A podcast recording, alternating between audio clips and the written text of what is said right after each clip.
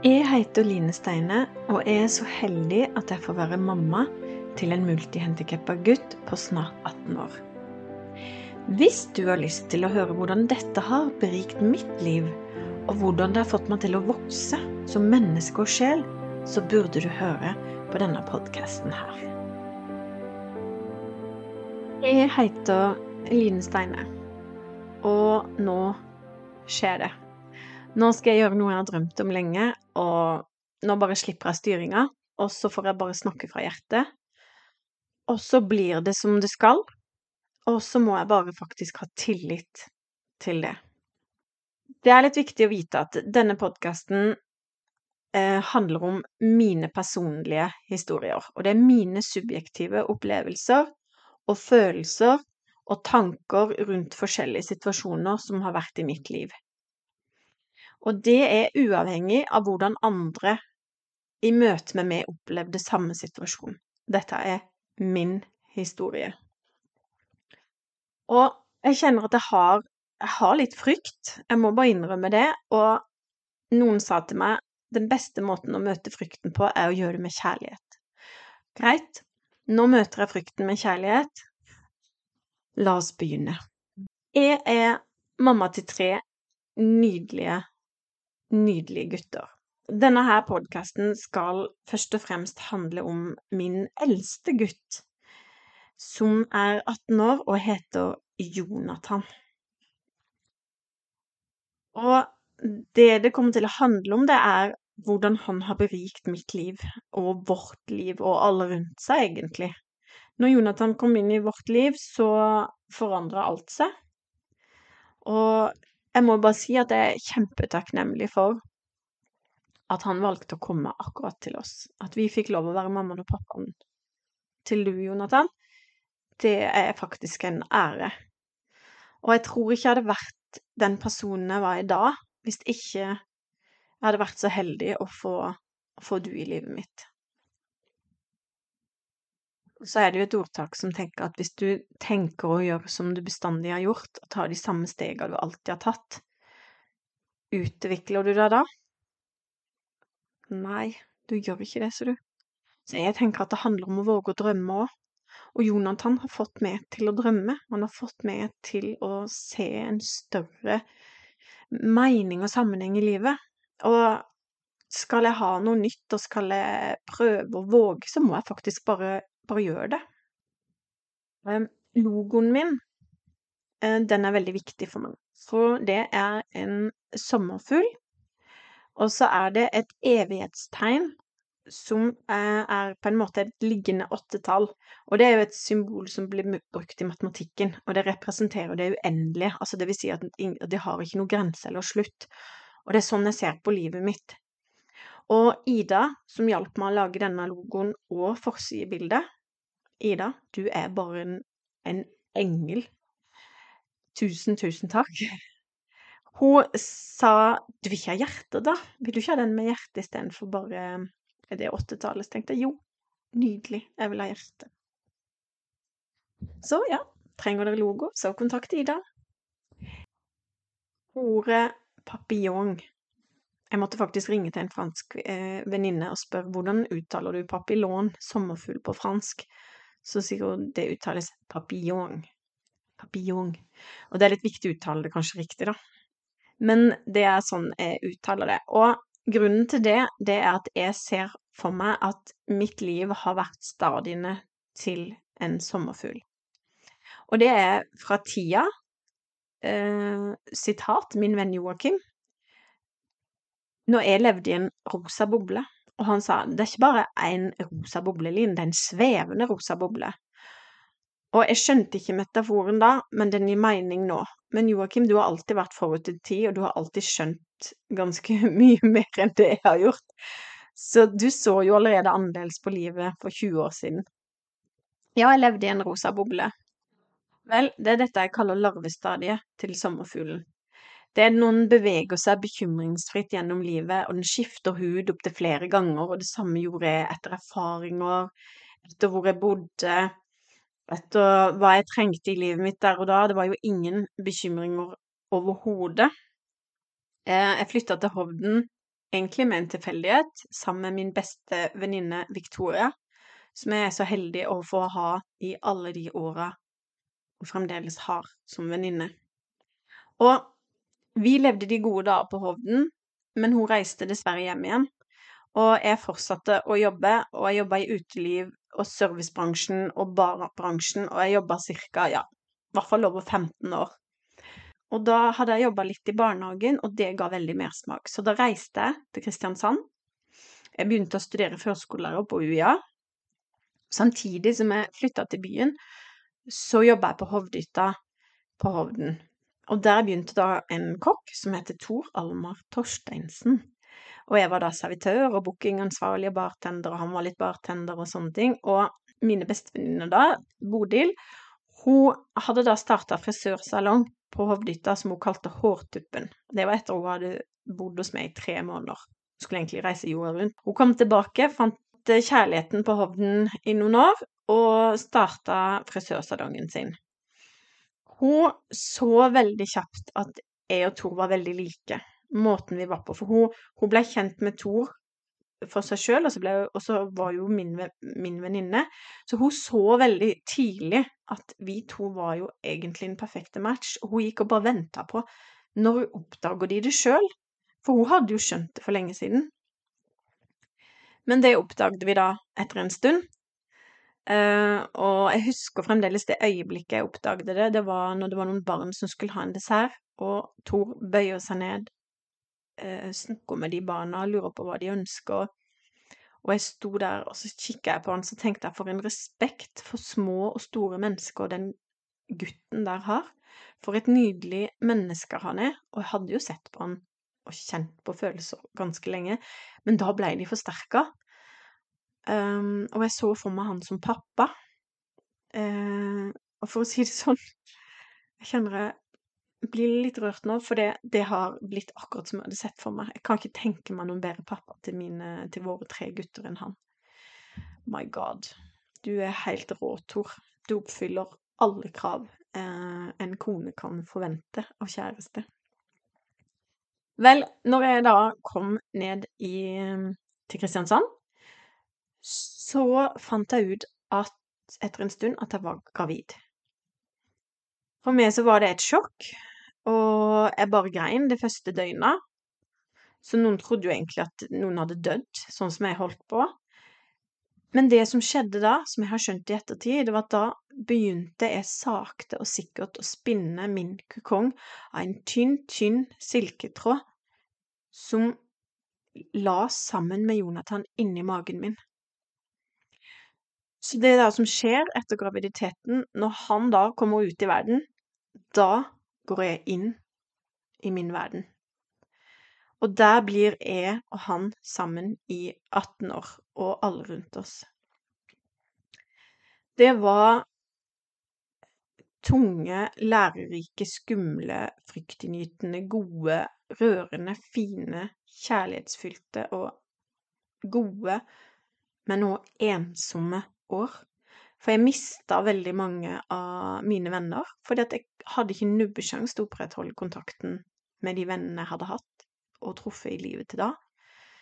Når jeg da var der i 18 år, og inni denne kukongen, som da var blitt lagd, så har jeg da en eh, natt jeg våkna, så kom det noen ord til meg, og de forteller litt og beskriver litt hvordan det var å være inni den bobla den nye bobla.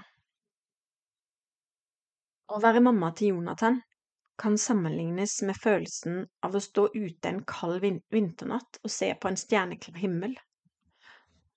Og samtidig så kjenner du en lammende, stikkende kulde i beina, og så kikker du ned, og så ser du faktisk at du har glemt å ta på deg sko.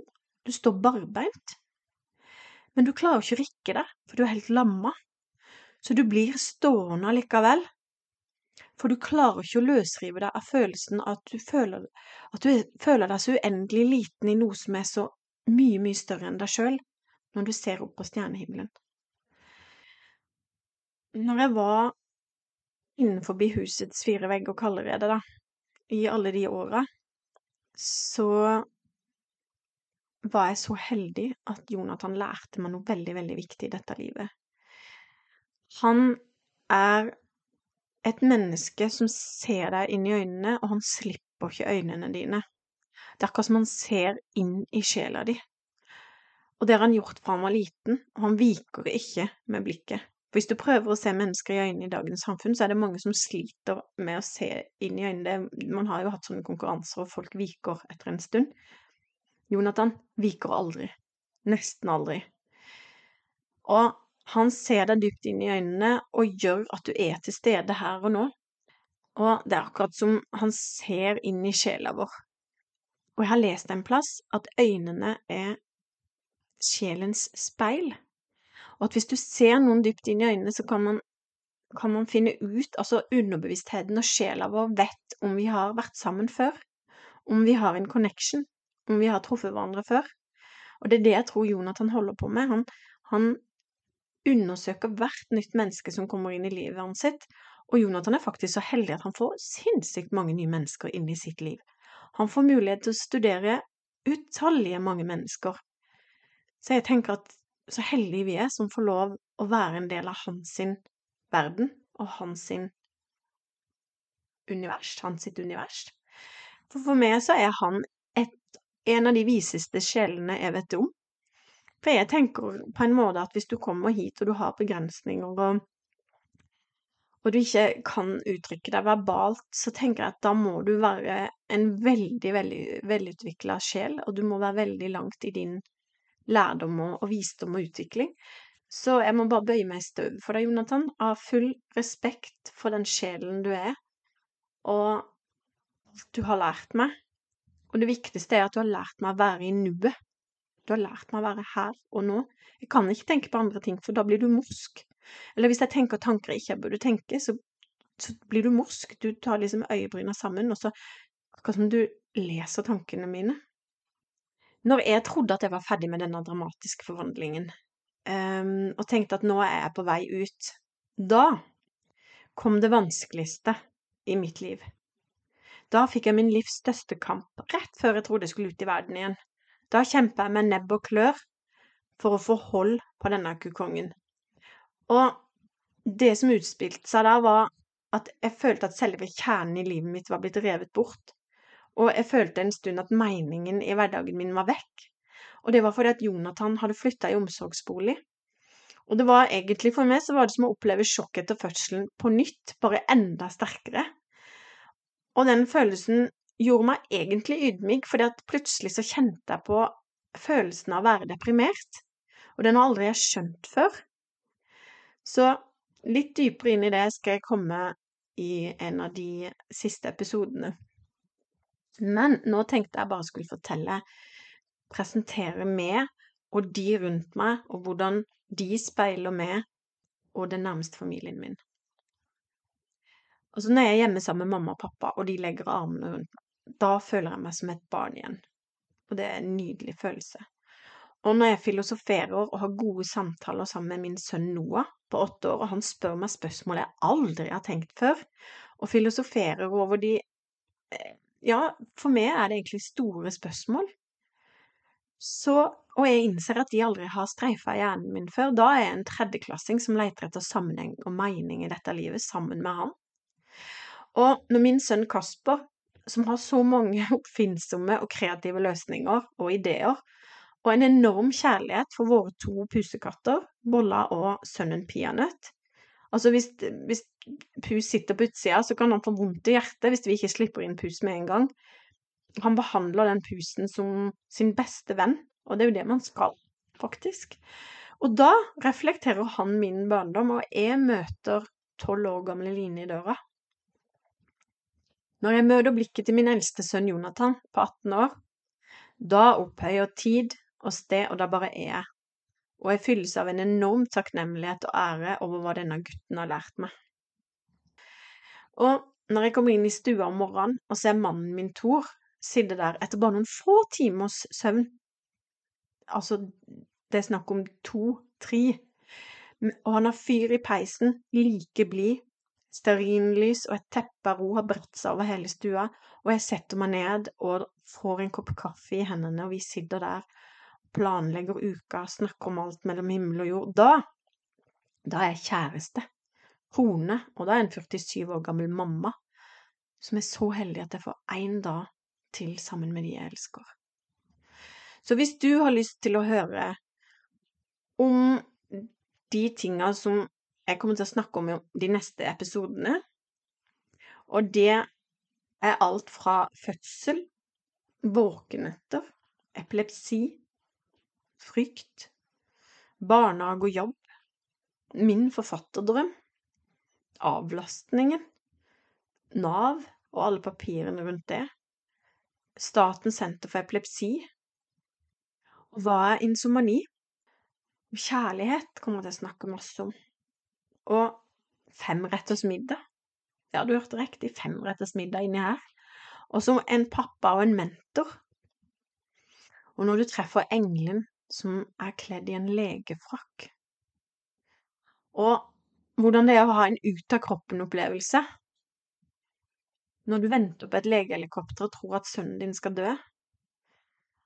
Og når han begynner på skole, og du har ansvarsgruppemøter og en koordinator.